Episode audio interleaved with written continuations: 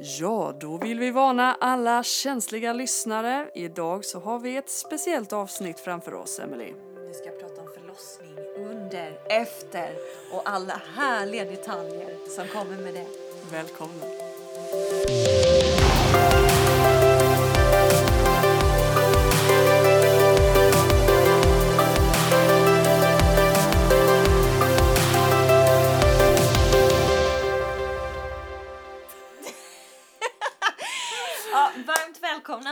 Ellen och Emelies podcast. Idag ska vi prata om den fjärde trimestern.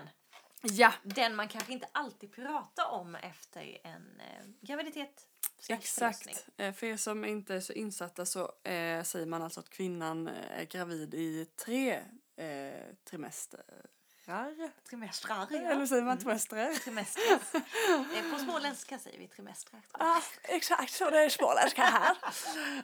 eh, nej, och då den här fjärde det är liksom att man vill trycka på att tiden efter är också liksom en speciell tid.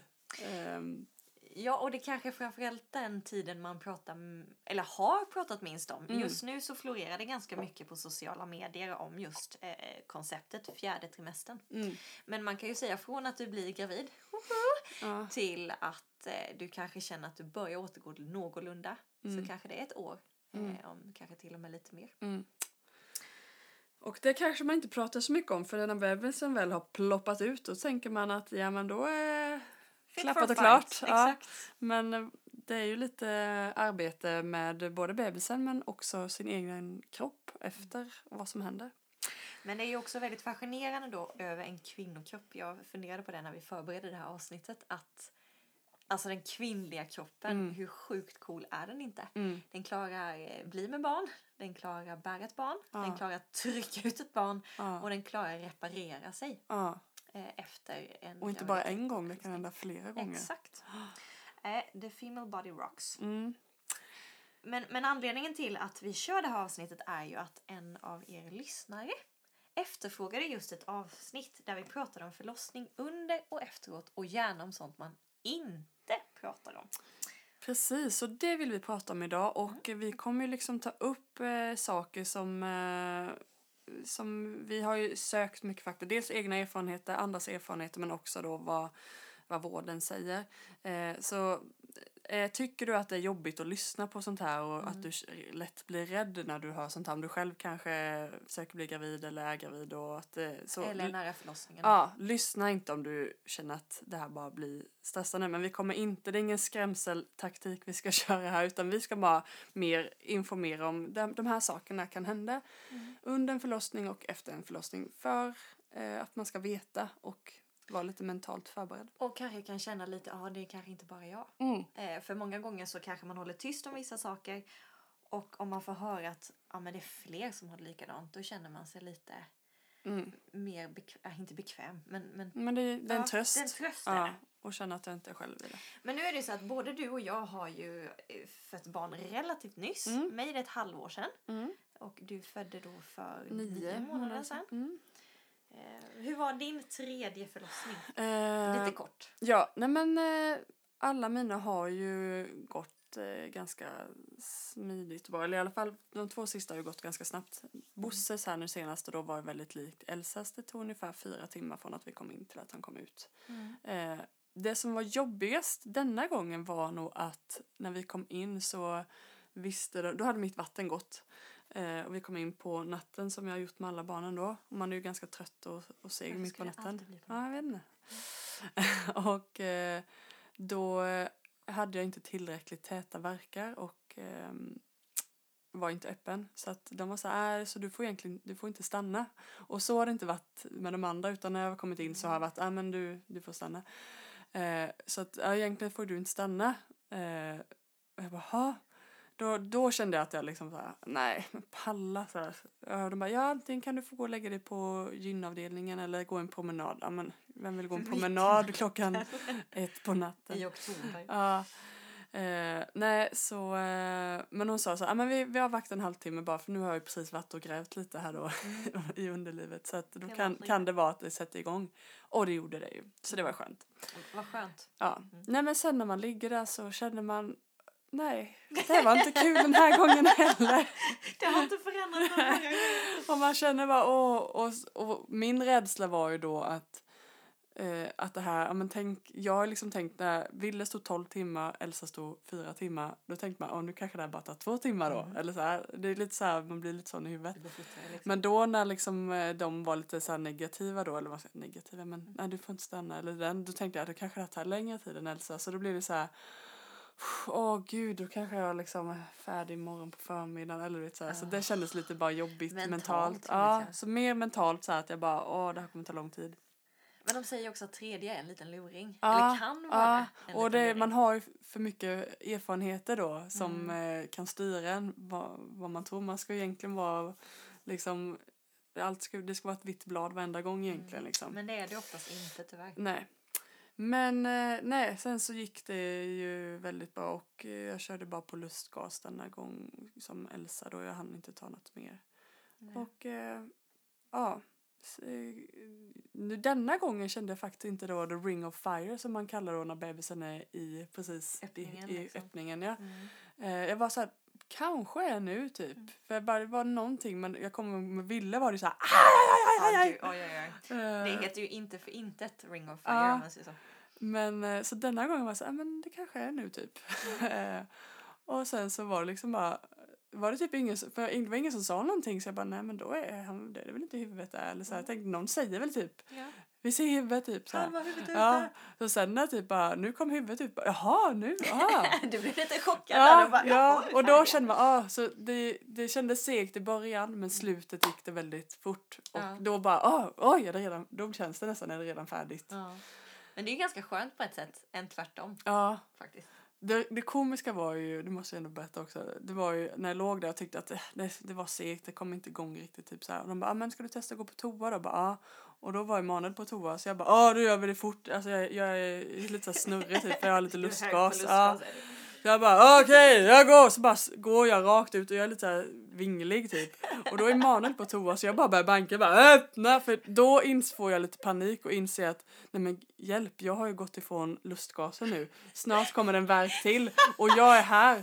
Så jag liksom, jag vill ju fort tillbaks egentligen för att få lustgasen då. Och så är du lite hög och du har ingen Ja. tidsuppfattning och bara Så. Emanuel får ju bara upp med brallorna och öppna så jag kommer in då och sätter mig och där liksom typ bara eh, det typ gör ont men jag, där jag, jag känner mig helt snurrig där, helt väck så jag bara kissar där tror jag och sen så bara in och då känner jag bara nu börjar det komma igång här då liksom. Mm. Så det hjälpte väldigt bra att gå och kissa där. Mm. Men det var lite, ja, det var lite kaosigt där precis då när jag, ja, hjälp. Det är faktiskt en väldigt rolig historia som du måste dra för Bosse. Mm, ja. Men Ja. eh, ja, hur var din då? Eh, jag var ju ganska nervös denna gången inför min tredje för att jag har ju haft två stycken otroligt olika eh, Mm. förlossningar. Min första var ju väldigt traumatisk tycker jag. Eh, Mm. Snarare en mardrömsförlossning. Mm, Medan min andra med Maja var ju total revansch och var hur bra som helst. ja, Så att jag bara, okej, vilken är av dem kommer jag få? mm, Jag var, ju- vågade ju inte tro på en Maja nej. eh, förlossning men jag var ju helt livrädd för att få en ovali. Ja. Så jag var ju väldigt tydlig när vi åkte in. Jag, jag, ehm, eh, för, för förra gången med mig så sa de att "Ja, men du måste åka in så fort du känner någonting. Mm. Just för att jag haft lite rädsla just för förlossning då. Mm. Så, så jag kände lite, de var lite sådär halvt om halvt små mensvärkar liksom. Eller lite, lite grövre men inte så Ja. farligt. Men vi åkte in i alla fall. Så jag hade lite samma som du. Vi Ja. kom in klockan 12. Eh, och hon kände bara, ja nej du är öppen 4 centimeter. Men om jag pushar in ett finger till så är du öppen 5. så det var också så här på gränsen för att stanna eller inte. Ja. Men jag fick nästan argumentera för att ja, men det har gått fort de andra gångerna liksom. Åker jag hem så kanske jag måste åka tillbaka. Eh, Så hon var väldigt snäll den barnmorskan. eh, Så vi fick stanna. Mm. Vi hann käka lite mat Mm. eh, och sådär. Jag är oerhört tacksam för den barnmorskan jag hade denna gången. Ja. Hon var, det var spot on. Men den blev väldigt bra den här förlossningen. Jag fick för en gångs skull bada. alltid har varit min Ah. dröm att få bada. Ja. Och för er som kan, man kan ju inte göra det tyvärr då om vattnet har gått. Ja. Men för infektionsrisk. Men om ni får chansen att bada, alltså det var så gött. Jag har satt- aldrig fått göra det. Nej, Ellen måste skaffa en fjärde Ja. Men, men jag, vi satt ju där inne i toaletten. De hade hängt liksom så här glödlampeslinga i taket. Jag sitter i det här Ah. badkaret då. Vilket också så här, man sitter där butt naked och någon annan sitter och häller vatten. så här, du vet. Eh, och Viktor satt då på en stol bredvid. Klockan var ju ett på natten. Ja. Och då började det lite mer verka. Inte riktigt men, men jag satt där och vi satt säkert där till halv tre. Det kändes Ja. ungefär som jag var på spa. Ja. Och sista eh, timmen, där 40 minuterna, då kunde jag bara köra med munstycket med, eh, vad heter det? Ja men munstycket, Ja. ni fattar, Ja, duschmunstycket. ja. Eh, på magen längst ner då liksom när verken kom. Ah, och det var väldigt bra smärtlindring. Fy vad bra. För där drog ju allting igång Mm. i vattnet. Om jag var öppen liksom typ fem sen så på en timme öppnade det mig till tre. Eller om det var en och en halv timme. Till Mm. åtta menar jag. Mm. Eh, för till slut jag bara, men jag kanske ska börja gå upp liksom. Ja. Eh, och det var också så här speciell känsla liksom. Jag går upp där, de tömmer vattnet, jag står där butt naked. De kommer med rocken och ligger bara, jag känner mig nästan som en drottning ett tag. Vet. Så lyxigt. Ja, men i alla fall sen drar det igång och jag har varit väldigt tydlig att jag vill ha, jag har ju aldrig tagit eh, epidural eller något sånt. Mm. Eh, Så dels var det för att jag var rädd men också var för att jag vill testa hur det känns. Ja. Så jag var jättetydlig med min barnmorska, jag ska ha det liksom. Eh, vi kommer in och då kommer de här eh, på vägen in till förlossningsrummet och hon märker att jag är åtta ungefär. Då, så, då börjar ju de här killerverkarna Mm. riktigt dra igång. Och jag bara, "Ja, just det, det är så här de känns. Mm. Så jag bara, men jag vill ha eh, bedövning. Och sen, jag är med om kanske fem stycken sådana hemska. För sen kommer hon då och ger spinalbedövning heter det. Det är inte epidural utan det är de man ger till omföderskor som räcker i två timmar ungefär. Ah. Så det är lite lagom Mm. eh, om man vet att det är på gång. Mm. Och sen gick det jättekvickt. Men jag blev en helt annan person. Jag hoppade upp på sängen och gick runt och pratade. Och Oj. är så så att verkarna kom. Och jag bara, oj, är det så här jag har liksom bedövning? Ja. Det var ju riktigt visst, man kände lite, det tryckte liksom och det tryckte Ja. mot ryggen men det var ju ingen värk. Nej. Det var ingen så här dödsvärk som vi kallar den. Så jag bara, och Victor bara, nej men jag satt och smsade lite och pratade Ja. med barnmorskan. Så för oss var det en helt Ja, annan skönt. värld. Ja. Ehm, och eh, ja, vad hände sen? Nej men sen så, så- ja, får jag en, krystade inte alls länge denna gången hon kom ut. Sen hände det saker efteråt men det ska vi inte prata om idag. Mm. Eh, men men eh, ja, det var en helt annan förlossning. Och jag fick se moderkakan den här gången. Det var också så här. Ah, Katrin. det är jättehäftigt. Det, är, det ser verkligen ut som ett träd. Ja. Den är jättecool. Ja, så att, nej men jag, jag är väldigt... Eh, det gick bra. Ja. Ibland går det bättre än vad man tror. Ja. ja, det är skönt. Man får vara tacksam när man får Mm. så bra. Ja, men lite så. Men också att eh, det behöver inte alltid vara att det går dåligt. Nej, Men sen kan det göra det också vara jobbigt. Men om vi, om vi börjar prata lite om under tiden, alltså under tiden en förlossning. Det är ju en väldigt speciell situation du är i. Mm. Eh, det jag började tänka på när vi började eh, prata om det här det är ju just att du kan ju inte kontrollera det. Mm. Hur control freak du är, hur bra du är på att planera, försöka förbereda dig, bla bla bla, så, så finns det absolut knappt någonting du kan, Nej, kan styra över verkligen så. när du är där. Det här känslan att, att vara förberedd på allt liksom Mm. är väldigt svår att, att vara. Jättesvårt. Och ovissheten är ju väldigt påtaglig Mm. i den situationen. Ja, och vi pratade mycket om det att man, man är ju väldigt blottad och väldigt naken i allt detta. Man ska bara följa. Jag känner, jag vill ju bara lyssna på barnmorskorna. Bara säg, säg ni, bestäm ni. Ja. Jag lyssnar, föl- följer liksom. Och där är man ju olika hur man är där. Eh, och vad man har för bild av det innan liksom. Mm. Och en förlossning, det är ju otroligt olika. Lika många mammor som föder barn, lika många olika typer av förlossningar finns det ju. Mm. Ingen är ju oftast den andra lik. Nej. Men just, eh, men just nakenheten är ju speciellt. Alltså för att vi annars i samhället lever, vi ska täcka oss liksom och vi, ska, vi visar ju inte Mm. det mesta av vår kropp, eller på sig, men vissa delar. Mm. Men sen när du kommer till förlossningen eh, då är det ju butt naked Ja, till slut liksom ja. och de ska ja, gräva lite här och där och Ja. kika och dona och det, det är en väldigt ja, det tyckte jag var ganska vad ska man säga omvändande Mm. utlämnad och eh, bara i händerna på någon, Någon annan. annan.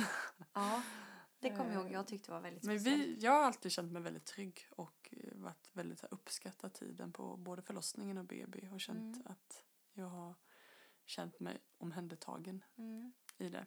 Jag har nog två, tre, två av tre har jag känt så. Mm. Så det är lite olika. Men du har kollat upp lite fakta. Mm. Jo, men det har jag. Eh, och eh, det man kanske ska vara beredd på just när det kommer till förlossningen det är ju att alla sorts väx- vätskor kommer komma från kroppen. Ja. Vad menar jag med det? Jo, men eh, alltså... Rent ut sagt, kiss, bajs, spy och blod. Och vatten. Alltså alla, Tårar. Tårar, svett. Alltså alla olika vätskor kan komma ur kroppen ja. eh, på en förlossning. Mm. Jag hade ju till exempel när det kommer, om vi börjar med kiss då, nu Mm. pratar vi väldigt så, men det är ju i vissa situationer kan det ju bli att du kan inte kissa. Mm. Och då känner de ju på dig bara, "Nej, men din blåsa är för full, vi måste tömma dig. Ja. Så det här var jag med om, det är en väldigt speciell situation. Då går de till en låda, hämtar fram ett sugrör, ser det ut som. Ja. Går de tillbaka till dig, sticker in sugröret i urinröret. Och det bränner till lite. Och sen så bara säger de, ah nu kissar du. Men du känner egentligen ingenting. Det är en jättekonstig situation. Ja. Men tacksam att det finns. En annan sak som också händer väldigt ofta ju, det är ju att du bajsar ju på dig. ja, och det här är ju många som tycker det är jättejobbigt Mm. mentalt innan. Att, en rädsla för att jag kommer bajsa på mig. Och Det att min, min liksom respektive står där och kommer se det här barnet Mm. framför barnmorskan. Åh, vad förlåt. Typ. Att man Ja. känner att man måste be om ursäkt. Jag, jag vet ärligt talat inte om jag bajsar på mig. Jag skulle, skulle inte förvåna mig om jag gjort det. De är så otroligt snabba på att ta Ja. bort det. Ja. Alltså de, du känner knappt Och det tycker jag är väldigt fint liksom Mm. att de är väldigt så här, det är inget konstigt, det är bara att torka bort och så, inte att de så här, nu bajsar du på det bara så du Nej, vet det det. tror jag aldrig de har sagt. Nej. Inte eh, till mig alltså. Nej. Nej. Eh, Men det, Eh. det är en sak man behöver inte vara rädd för. Det. Du kommer förmodligen göra det. Mm. Men det är, Det är okej i det, det är rummet. okej. I det rummet är allt okej. Ja. På så sätt. Ja. Jag var också med om att, att på min första förlossning där. Då är det så att när barnen ro- roterar sig neråt i kanalen kan man säga. Så kan den komma åt en viss nerv. Som gör att du blir väldigt illamående. Mm. och att du kan spy. Eh, så på min första då med Novali då snurrade ju snurrat huvud och man kom åt den där nerven. Ja. Så helt plötsligt kände jag att nu kommer kebabtallriken vi käkade innan upp liksom. Eh, och första gången så hann ju inte jag, det var ingen som märkte, det bara kom ju. Ja. Så det kom ju splash på golvet. Oj. Och sen är det någon stackars undersköterska då, tack gode gud att ni finns, ja. som torkade upp allting. då. Ja. det här visste faktiskt inte jag. Jo. Att man Eh. har en sån nerv. Jo, det är en speciell nerv, men det har inte hänt på de andra två Ja. Eh, på mig. Men eh, Vad det kan sjukt. hända. Två gånger spydde jag. Ja. Så det är också en sån där grej man kanske inte Nej, vet man är om. inte beredd på riktigt. Nej. Och det är också jättejobbigt liksom. Och bara, åh förlåt, nu måste ni ta... Vet, så här, den känslan Ja. så här. Ja, Man känner, och jag vet att jag rapade några gånger på min förlossning och bara fick be om ursäkt för jag var hög på lustgas också. Bara, Åh förlåt. Bara, ja, rapa kan inte det värsta du har gjort hittills.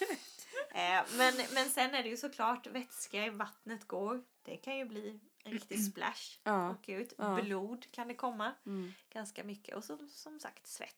Ja. Men det är inget konstigt och alla i rummet då förutom du kanske och din respektive är väldigt vana Mm. vid det här. Ja. Och de brukar vara otroligt professionella och snälla Ja. när det kommer till just det. En annan sak som jag eh, skrev upp också som kanske man inte tänker på det är ju att ja visst är de här centimeterna 10 centimeter brukar man prata om till man är öppen. Mm. Och det är lätt att tänka yes jag har 10 centimeter, 10 centimeter är good to go nu krystar vi Mm, nu ut kommer ungen. barnet. Exakt. Men så här har det ju varit för mig och för ganska många. Ja. Att det är ju inte alltid good to go då. Ja. För att först måste ju barnets, bebisens huvud åka ner till en viss position Mm. i, eh, i kanalen så att säga. Innan den är beredd. Och det kan ta ett tag det ibland. kan hålla på och åka upp och ner sådär också. Mm. Att när den åker ner och sen åker upp och ner upp och upp. Och det kan ju vara jätteknäckande. Särskilt om man har kämpat länge med att få att det tagit lång tid att öppna sig Ja, också. ja, då. ja, ja, liksom. Så bara, åh, nu äntligen öppen 10 centimeter. Så det är bara skönt att vara medveten. Efter 10 centimeter så är det inte. Helt good to go än. Utan då är det lite mer som ska hända. Mm. Och jag läste någonstans eh, när jag scrollade lite för det här att det finns något som heter verksvaghet också. Mhm. Och det innebär att oftast kanske man säger att man öppnar sig som förstföderska en centimeter i timmen Mm. ungefär, kanske lite mer. Men om du öppnar dig en centimeter på tre timmar ungefär, Ja. då kallas det verksvaghet. Mhm. Det lärde jag mig något nytt idag. Så att det är också så här lite olika och som omföderska så kanske man räknar med att du öppnar dig en centimeter i halvtimmen kanske. Okej. Så det är lite, det Mm. kan vara lite, absolut olika från kvinna Ja. till kvinna. Men sen är det ju också så här när, när ungarna du har kämpat, Ring of Fire har vi ju nämnt lite. Mm. Det är ju när barnet sitter fast i, i öppningen Mm. och du får inte krysta för du inte har fått, och det är ju för att du inte ska spricka. Nej. Men då är det ju när barnet är ute och du är bara huh, pustar ut, du är happy. Då ska ju sen efter ett tag moderkakan ut också. Ja, och den är knäckande faktiskt. Då ska ju moderkakan ut och den är ju, eh, den eh, behöver du ju krysta ut också. Ja. Den är ju oftast lite smidigare. Ja. eh, Men den ska Man, ut. man är bara så less på det då. Man Ja. nu är mitt barn här, bara, måste jag hålla på mer? Ja, vad är färdigt tänkt att föda tvillingar. Eh, Men, men i mitt fall på min första så kom ju inte moderkakan ut så då fick, de ju, fick jag ju åka på operation för att ja, plocka ut den. så det kan ju vara lite krångligt. Ja, och de drog i navelsträngen och försökte få ut den. Men det gick inte. Ja. Det var inte skönt. Eh, Men efter, efter moderkakan har kommit ut då, ja, men då är det ju väldigt vanligt, det ska du prata om kanske lite mer sen, men, men eh, då ska man ju tänka på att då kanske man måste sys där nere. Mm. Så då kanske du får ligga kvar ett tag med Ja. benen uppåt eller hur du, ja oftast benen uppåt för att du ska ju Ja. sys. Men det kan ta upp till en timme. ja, lite lokalbedövning.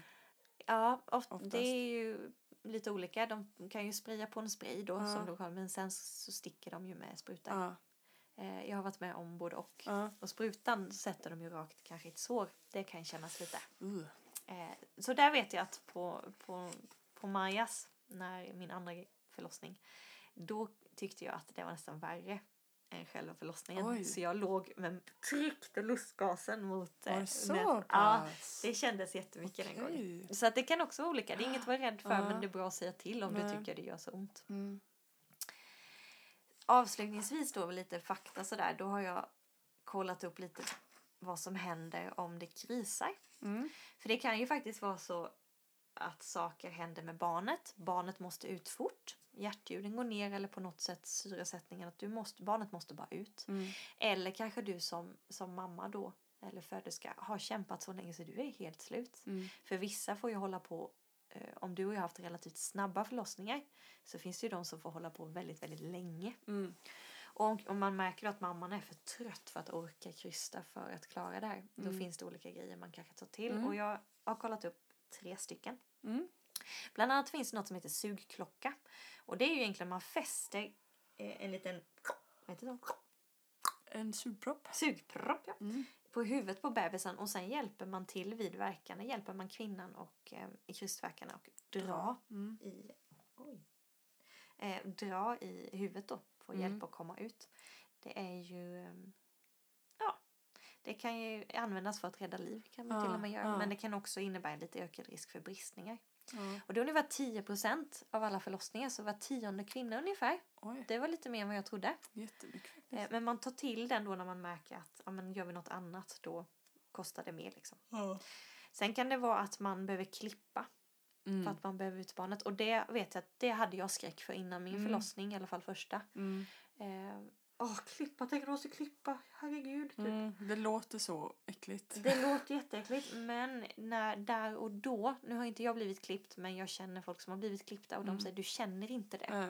Så att man Du behöver känner ju inte att du brister heller. Nej, liksom. det gör man inte. För att det gör, alltså det, det trycker neråt, det verkar neråt, det smärtar neråt. Så det är så mycket annat som tar fokus. Ja, jag tycker det verkar mer i kroppen än där Ja, nere. Det är ja. ju ring of fire. Det är de tycker jag när man känner någonting. Ja, jo, jo, det kan jag hålla med om. Och det är i så fall mer efteråt när det har gått en liten stund som man känner att nu är det något som verkar. Ja.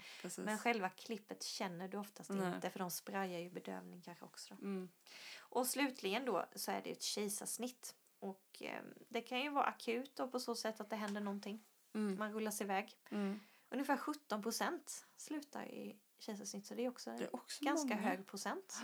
Och då känns det ändå som de är väldigt så här ska man säga, restriktiva med kejsarsnitt. Ja, att det är inte det är någonting de de bara vill eh, langa iväg till vem som helst. Utan då är det ju verkligen att nu är, nu är mamman för trött eller nu, Ja. nu har hon hållit på för länge eller, Eller barnet är eller barnet. Mm. Ja, det jag vill bara avsluta med det blir ju oftast inte som man har tänkt sig men ibland blir det ju faktiskt bättre också. Det är Mm. inte alltid det betyder att det blir sämre. Mm. Men jag tror oavsett vad man är med är det väldigt viktigt att få prata om det. Det Mm. kände jag hjälpte mig. Alltså, alla våra har varit på pappret jättebra. Mm. Men vi tyckte ändå våran första, vi kände, för oss kändes det traumatiskt. För Ja. att man, just bara för den situationen man är i.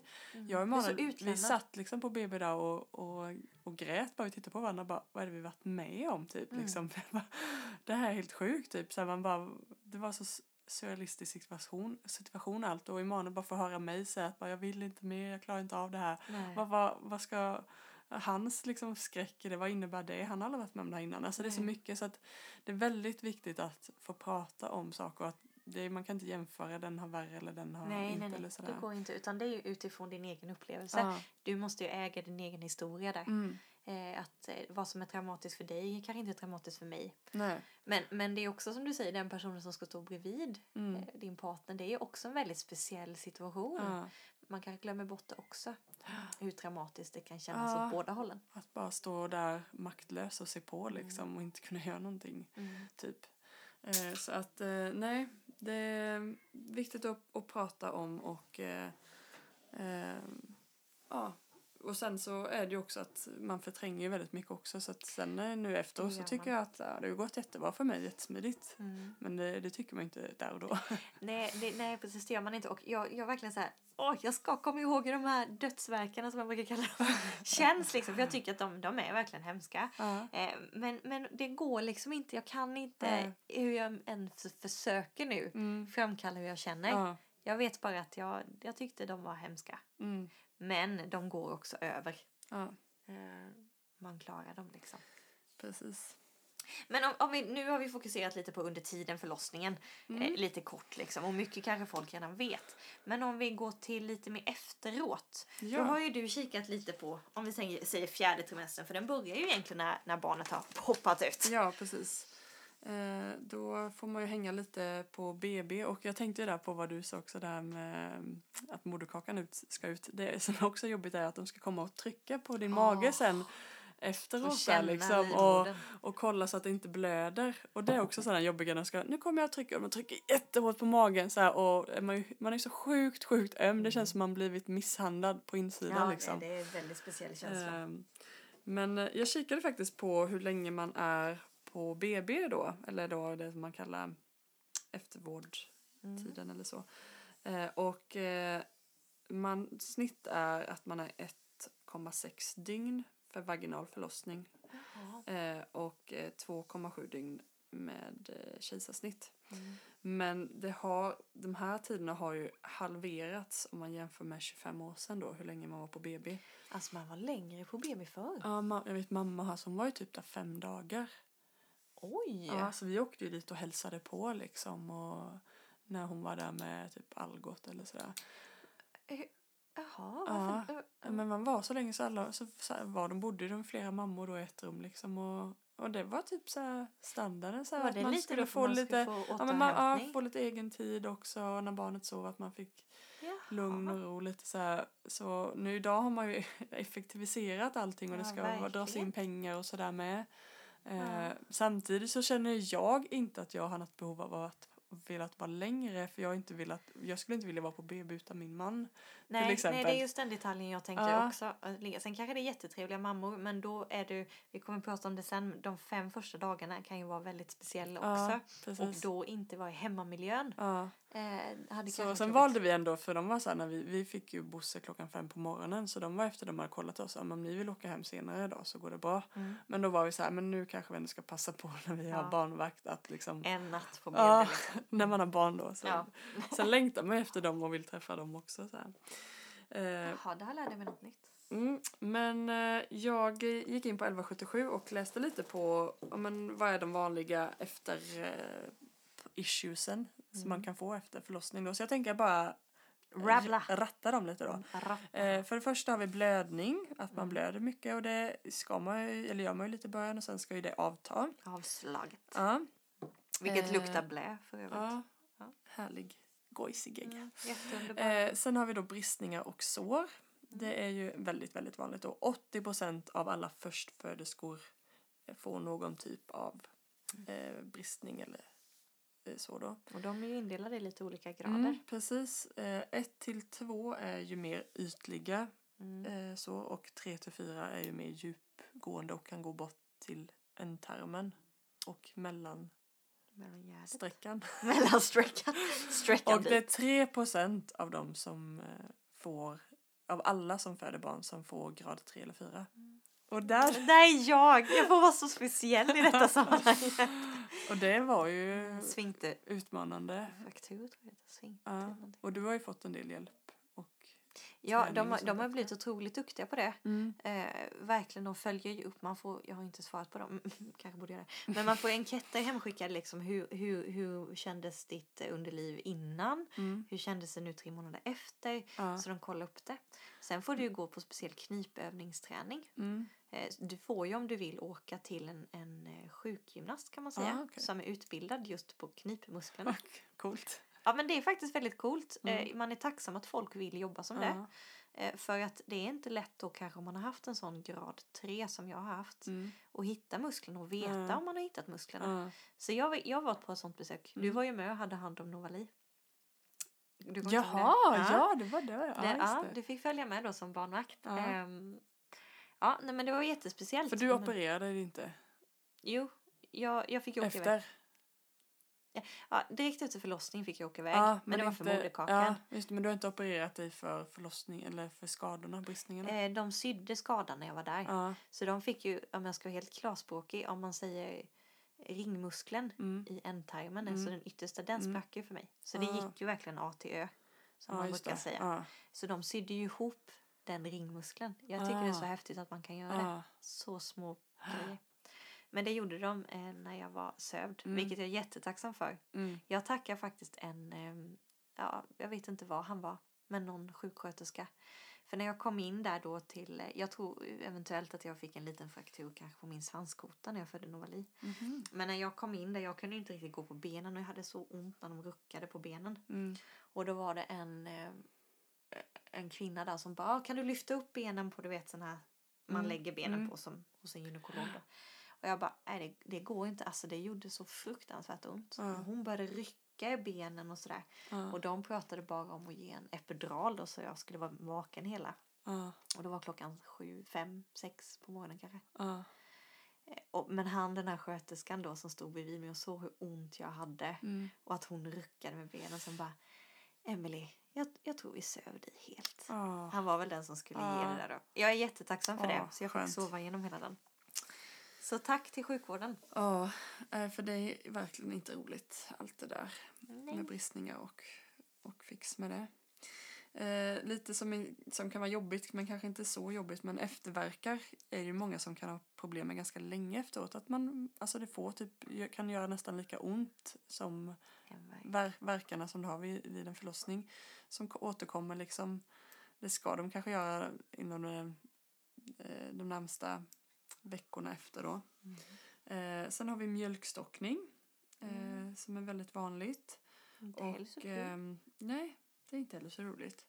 Eh, och ehm, där, ehm, ja, det är ju att jag har själv inte haft det så jag Jag kan inte säga hur det känns. Eh, Alltså det är ju en, en mjölkkörtel i bröstet. Mm, Där mjölken egentligen passerar, den täpps igen. mm, Det kan vara ja, lite olika förklaringar men du får oftast, oftast feber kanske. mm, Bröstet blir rött, det är varmt och det gör ont. mm. Eh, det är inte trevligt är det inte. Nej. Eh, Nej, men det går oftast över av sig själv. Ja. Ehm, sen har vi då såriga vårtor, eller bröstvårtor då. Eh, och ehm, det har jag ju haft, inte så här s- megaproblem men det brukar vara i början lite där när bebisen ska hitta rätt sugteknik och sådär. Mm.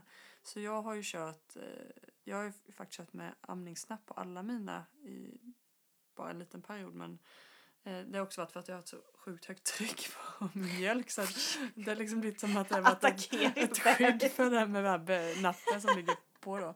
Men då, då kan, alltså, när får du så att det blir sårigt och alltså börjar blöda lite, alltså det är så snuskigt ont när bebisen ska suga. Man gör. då har jag suttit och gråtit eller bitit mig liksom för att det gör så ont liksom.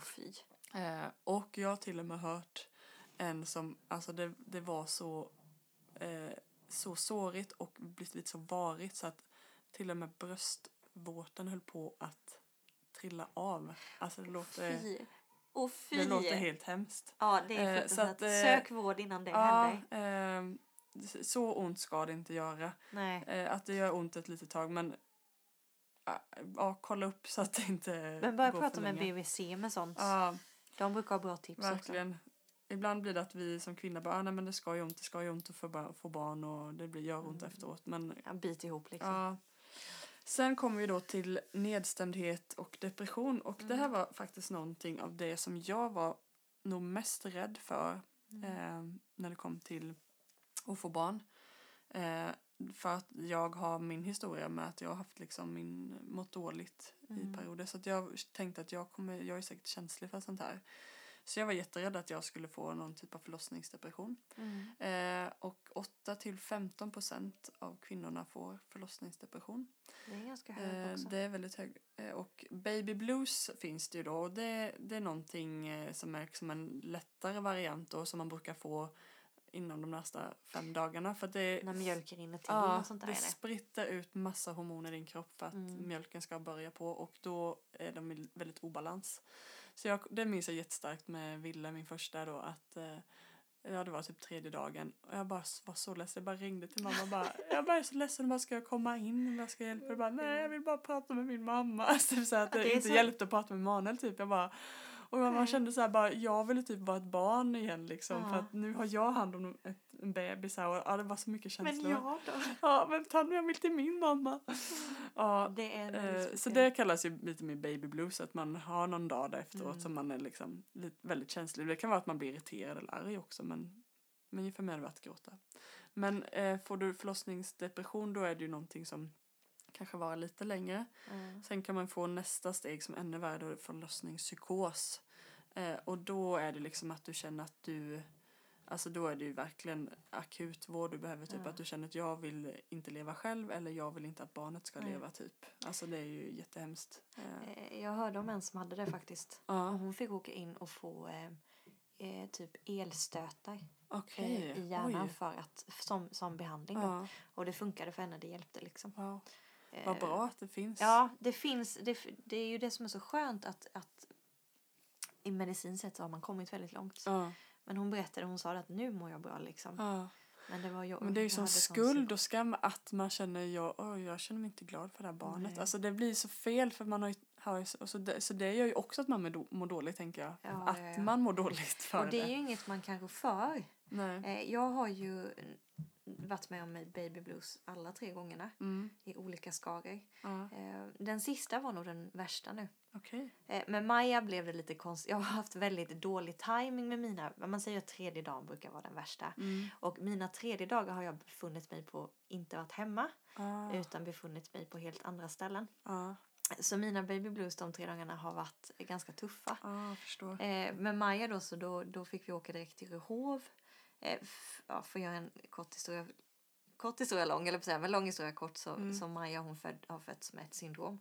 Eh, men, men i början där då innan vi visste om det, allt var tumult, då skickades vi till Rehov och folk bara pekade ut all, all, alla fel de såg Mm. med Maja liksom. Och Mm. ingen var säker, alla var oroliga och där sitter jag själv på ett sjukhusrum på kvällen med Maja, vet ingenting, Usch, visste inte där. Och där kom en sån här baby blues. Jag bara, jag vet inte, jag har aldrig gjort så mycket i mitt liv. Eh, och andra gången var på neo då också. Just Så att, eh, ja. Men, Ja. men, men överlag den här gången så den var jättestark och jag började fundera på vad är det med mig? ah, Jag känner mig så deppig, så trött. Eh, och när jag läste på lite, det är också att du börjar tänka att ah, det kommer hända någonting med mig, det kommer hända någonting med barnet. mm. Eh, det är jättehemskt Ja. att känna så och då kanske min var light mot vad andra känner. Ja. Men det var min tuffaste. Att bara, nej men jag, jag kommer få infektion, nej det här kommer hända. Nej barnen, hon är lite blå nu. Nej, hon. Alltså du vet, man hamnar i en sån konstig spiral. Eh, det, det är... Eh, ja, det är inte kul. Ja. Men, men det bästa är att berätta det för någon. Prata med någon om det. precis. Säg det till ett par kompisar. Bara få ur dig det som, som ligger lite och Exakt. gror eller så. Ja. Eh, Nej, för det, det är inte, inte bra att gå runt med allt, alla de här känslorna och tankarna inom sig. nej, verkligen inte. Eh, Parentes. ja, och nu har vi tagit lite de tunga. Sen finns det ju andra saker då som att man får blodbrist för du förlorar Mm. mycket blod kan, kan du göra. Mm. Eh, man kan få hem, hemorrojder då. Eh, det är lite halvkul. Eh, det är ju också bara lite kort att du får som blåser i ändtarmen. Eh, och de kan ju också sticka ut och de kan eh, blöda lite. Eh, jag har haft lite lättare version av det, men Mm. det, och det har inte varit kul. Det blir väldigt jobbigt när man ska gå på toa till exempel. Mm. kan göra väldigt ont. Men det är också någonting som är väldigt bra att vi lyfter för jag tror Mm. att det är väldigt många, många nyblivna mammor som faktiskt har hemorrojder Ja. eller i slutet av graviditeten. Ja, Men det är, ju, det är ju lite så här att "Nej, men det där är lite skämmigt. nej, precis. Nej. Och jag, nej, exakt. Ja. Och jag fattade ju inte, typ med Elsa tror jag också hade jag, jag fattade ju inte att det var det jag hade. Jag bara, Nej. för det blöder liksom ibland när jag går på toa. Liksom. Det Ja. känns som det är något vasst som gör ont typ när jag går på toa. Ja. Eh, och så det är ju typ sen senare jag fattat, jaha det är därför. Och då att man har kunnat Det ta någon, det. någon salva för det eller vad det nu är man tar då liksom. Ja. Eh, sen har vi framfall. Det är ju att livmodern åker ner och kan liksom nästan titta ut också. Mm. Eh, och det är någonting, det kan vara av olika anledningar men där förstår jag man kunde träna bort det men det kan också vara farligt om du tränar för tidigt för att det är då Ja. det kan bli framfall. Det är ju väldigt viktigt med knipövningar då har jag Ja. förstått liksom bland annat. Men, Bäckenbotten. eh, så, ja. övningar. Eh, så det kan ju vara väldigt kruxigt. Sen kan man ha problem med avföringen. Mm. Eh, urinvägsinfektion. Sen kan man få något som heter delade magmuskler. Mage, magen delar ju på sig när man blir gravid och sen ska ju de hitta tillbaks och då kan det vara att de inte gör det helt enkelt Mm. eh, av olika anledningar och eh, det kan ju bli, eller att de växer upp på fel sätt. Mm. Eh, och det kan ju bli väldigt eh, konstig känsla förstod jag i magen. Det här har jag ingen erfarenhet av. Ehm, Nej, det enda jag fick känna denna gången som var annorlunda var att det kändes eh, som om alla organ fortfarande låg så högt upp. För det tycker jag är så här Mhm. när man har, barnet har kommit ut. Det blir Just det, allting där livmodret var. Ja, men allting är Ja. uppe och sen är det bara som ett stort vakuum ja, där nere. ja, det och det vet jag att jag tyckte var väldigt obehagligt. Och sen hade jag en speciell värk i musklerna här uppe vid revbenen Aha, som också höll i sig jätte, jättelänge. okej. Eh, väldigt oklart vad det berodde på. Ja, Men det var också en sån här grej som handlade förmodligen Ja. muskulärt. just det. Eh, nej men eh, blodpropp kan man också få för att eh, din, eh, din kropp eh, har väldigt, vad säger man, eh, gör så att du le, bl- blodet lever sig lättare när du är gravid för att du inte ska förblöda så då kan det vara Just. lätt att få blodproppar efteråt. Mm. Infektion i livmodern. Det kan ju vara, bli jättefarligt och du kan bli inlagd efteråt om de inte får bukt på infektionen. Och sen inkontinens då är ju också väldigt vanlig grej. Eh, Att du så kissar på dig lite. det är ju kopplat till bristningarna egentligen då Mm. eh, i samband med det. Men att du, ja, du kan inte göra vanliga liksom vardagssaker Nej. utan att du kissar på dig som att lyfta någonting eller springa lite snabbt eller sådär. Det har, det har ju lite att göra med att musklerna eh, där nere, så du har ju muskler i bäckenbotten, de töjs ut så mycket när du är gravid så det är inte Mm. bara bristningarna Nej, heller. precis. Det kan ju Eh, vara värre saker typ med det. Ja, Men, det kan det vara. ja, Eh, Men inkontinens, och det är någonting du kan träna upp också. Men det är ju lite sant. I början till exempel, då kanske du inte kan nysa tre gånger på rad utan att kissa på dig. ja, Det är ju faktiskt sant. Eller du kan inte springa den där lilla biten. Eh, Du kan inte hålla emot. Du kan inte Ja. skratta för mycket. ja, precis. Då håller du på att kissa Ja. på dig. Så det, det är... Ja. Nej, så det, det har jag känt liksom typ när, med, med till exempel att träna så, hoppa, hoppa hopprep, det är liksom no-go för mig. Ja. Ehm, sen har man, får man ju komma på sina knep, att man liksom har trosskydd när man tränar eller ska göra hoppiga saker liksom. Eh, så man hittar ju sina vägar för att få det att fungera. Men är det så farligt som man känner att det här påverkar min, min vardag mer. Livskvalitet. Då behöver man ju kolla upp det. Och man behöver ju vara lite påstridig där. Liksom att Mm, man. eh, jag behöver hjälp. För ibland kan de bli, ja ja, alla kvinnor har problem med det här. Så att, eh, Och det vill man ju ta hål på. Ja, verkligen. Men med alla de här sakerna, eh, man kan ju träna bort vissa grejer men man behöver ju söka vård eh, som kan lösas på vanlig vård eller operation eller sådär. Men vi vill verkligen trycka på det att det är, det är vanligt att man får lite, att det händer lite grejer efteråt och det är, det är helt okej, alltså man överlever med lite hemorrojder eller Ja. eller vad det nu kan vara. Eh, så det är inte att vi vill skrämma upp med att säga alla de här sakerna. Utan det, det, dels är det väldigt normalt. Men att man också ska söka vård när det liksom blir för, för jobbigt. Liksom. Och man kan alltid ringa och fråga. Mm. Var inte rädd att ringa Ja. och rådfråga. För att det är, det är en speciell situation. Du känner inte igen din kropp och det är mycket som händer. Ja. Jag vet också att eh, första gången man skulle göra nummer två Mm. efter man har fött barnet kan ju också vara väldigt speciellt. Ja. kan göra ont. kan kännas att man inte kan trycka ut det som man brukar göra. Ja. Eh, Det är också en väldigt speciell situation. Ja. Eh, Det är inget konstigt med det. Jag vet, jag fick ta en mikrolax första gången jag skulle gå Ja. på toa en gång. För jag Ja. fick inte ut det. Och det var hemskt. Men sen det blir bättre. Ja. Det blir bättre. Kroppen repar sig liksom. Och sen en annan, när man pratar om det. Det är kanske inte alltid lätt att hålla fisarna inne heller. ja, precis. Det är också sån där holy farts har jag skrivit. Mm. Men det är inte heller På lätt i tal om det, hade inte du några roliga stories vi hade fått in? Jag har lite roliga stories. Ska vi avsluta med dem här? Ja, men det kan vi göra. Jag vill bara nämna två saker också som jag själv har erfarenhet efteråt. Ja. Som man kan, kan nämna som inte är konstigt heller. Alltså har du fått en bristning eller liknande som jag har fått i två fall då. Det är inte konstigt om det känns som om någon har alltså typ stuckit upp en pinne i rumpan på dig när du går. Det är Ja. inte konstigt, det är känslan. Ja. Du går så konstigt och du går så sakta Ja. och det är inte skönt. Men det går också över. Ja. Ge det bara lite tid liksom. Ja. Och det andra man också brukar prata om ibland som man det är ju just att underlivet känns annorlunda, ser annorlunda ut och man känner inte igen sig själv. Lite som en babianrumpa brukar Ja, många säga ja. för att det är lite köttigt och svullet. Ja, och speciellt om man har sytt och grejat. Ja. Vad bra beskrivet. Ja, babianrumpan, ja. Classic. Eh, Och man kan ha svårt att sitta. Jag efter min bristning, jag var tvungen att sitta på en kudde i flera månader efteråt. Ja. Eh, Men det blir också bättre. Ja. Ge det tid. Du kommer inte vara tillbaka kanske din vanliga kropp efter en månad. En Nej. del är det. Men det kan också Good vara... for you. Ja, good, for you. Men det kan, ibland kan det ta ett par månader, något år. Ja. Men ge inte upp med lite träning, lite tålamod och kanske hjälp. Mm.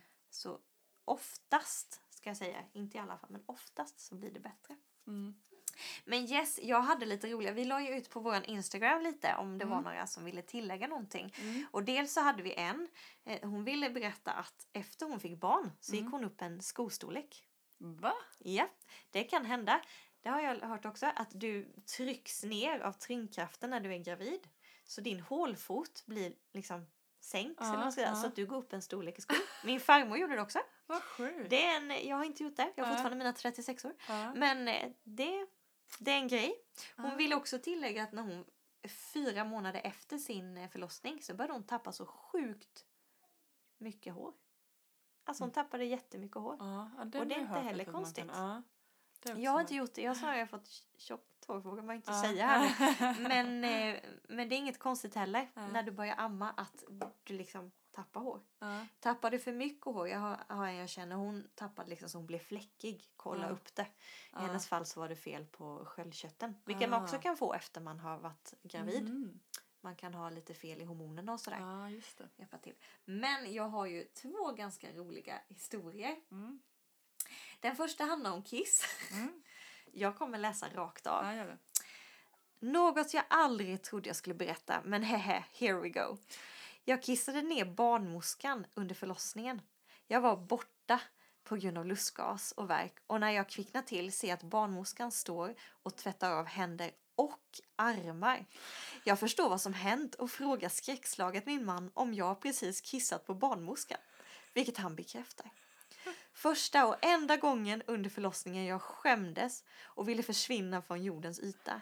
24 år och precis kissat på en annan människa över hela armarna. Alltså vilken eh, story att man att, att kissat på en annan människa. Du såg borta i lustgasen. Ja. Ja. Den andra handlar lite mer om fisar, Mm. om luft. Och hon skriver så här, ja, jag kan ju bidra med att jag fes den högsta fisen i mitt liv rakt i ansiktet på fyra barnmorskor som ryggade tillbaka för att de blev så rädda och chockade av ljudet. Inte lätt när man är helt bedövad i underlivet för att försöka knipa i det läget. Det går inget. Det går inte. Jag älskar liksom att de blir så chockade. Ja, och jag, om jag har förstått det rätt så stod de ganska nära, om man säger så. Ja, så att alltså det är en speciell situation, men barnmorskor de har varit med om det mesta. Ja, och de har nog också väldigt mycket roliga stories att berätta Ja, för varandra. Vi ska nästan intervjua en här tycker Ja, jag. verkligen. Eh, ja, nej men vi... Eh, Härligt. eh, tack att ni delade med er. Det var väldigt kul. jätteroligt. Och det finns säkert fler stories där ute. Ni får skicka Mm. in dem så drar vi dem någon gång. Ja. Men, men eh, vi avrundar lite här tror jag. Det finns ju hur mycket som helst att prata om och vi har säkert missat hur mycket som helst också. Ja. Det har vi. Men, men sammanfattat så vill vi, vi vill ändå skicka med att det går inte alltid som man har tänkt sig. Det Mm. blir inte alls som man tänkt sig. Men ibland blir det till och med bättre och Mm. du grejar det. Mm. För att kvinnokroppen är så häftig och Ja. du, du klarar det. ja. Du klarar det. Och prata om det och liksom jobba med det du varit med om ifall det varit tufft. Sök vård. Prata allt med varandra. Ja. Någon annan nybliven mamma. Ja. Och bara få känna att man får dela sina erfarenheter och hitta kanske en punkt där man kan skratta åt det Mm. efter. Ja men de här historierna kanske inte var jätteroliga när de Nej. hände. Men nu då ett par år Ja. senare så kan man ju skratta. Ja, Åt det. Men med det sagt så vill vi ju säga lite om vad som väntar i sommar. Ja, det här var liksom en liten kick-off till eh, våran barnserie som vi ska ha. Eh, vi hade ju en äktenskapsserie här under våren och eh, vi fick väldigt bra respons på den. Och eh, så hade vi fått den här förfrågan om att ha då det här avsnittet om förlossning så tänkte vi, ja men då kanske det blir en liten bra eh, avstamp till att prata lite om, om barn. Mm. Eh, vi Det ska har bli ju, väldigt spännande. Ja, och eh, det kommer vara att prata om att försöka få barn och prata om barnlöshet, eh, att förlora ett barn, adoption och ja, det blir väldigt många spännande stories vi kommer få höra från, eh, inte från dig och mig, Nej, utan från precis. andra. Så jag tillägger det att det kommer bli lite som, eh, ja, men som vi haft tidigare år. Mm. Sommaravsnitt Mm. med andra människor. Vilket är jättespännande för Ja. det är väldigt intressant att höra det av personen själv. Mm. Så det har vi något väldigt spännande att se fram emot. Det kommer ju bli fyra, fyra fem avsnitt någonting. Ja. Fyra Mm. kanske. Så att ja, håll till godo. Mer tycker jag inte vi säger. Nej, eh, utan vi tackar för, för idag. Puss och kram, ha det bra. Hej då!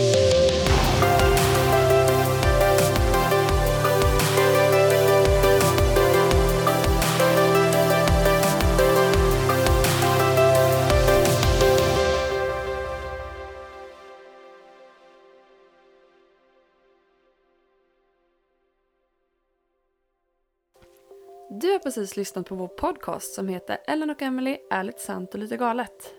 Jättekul att du har valt att lyssna på oss.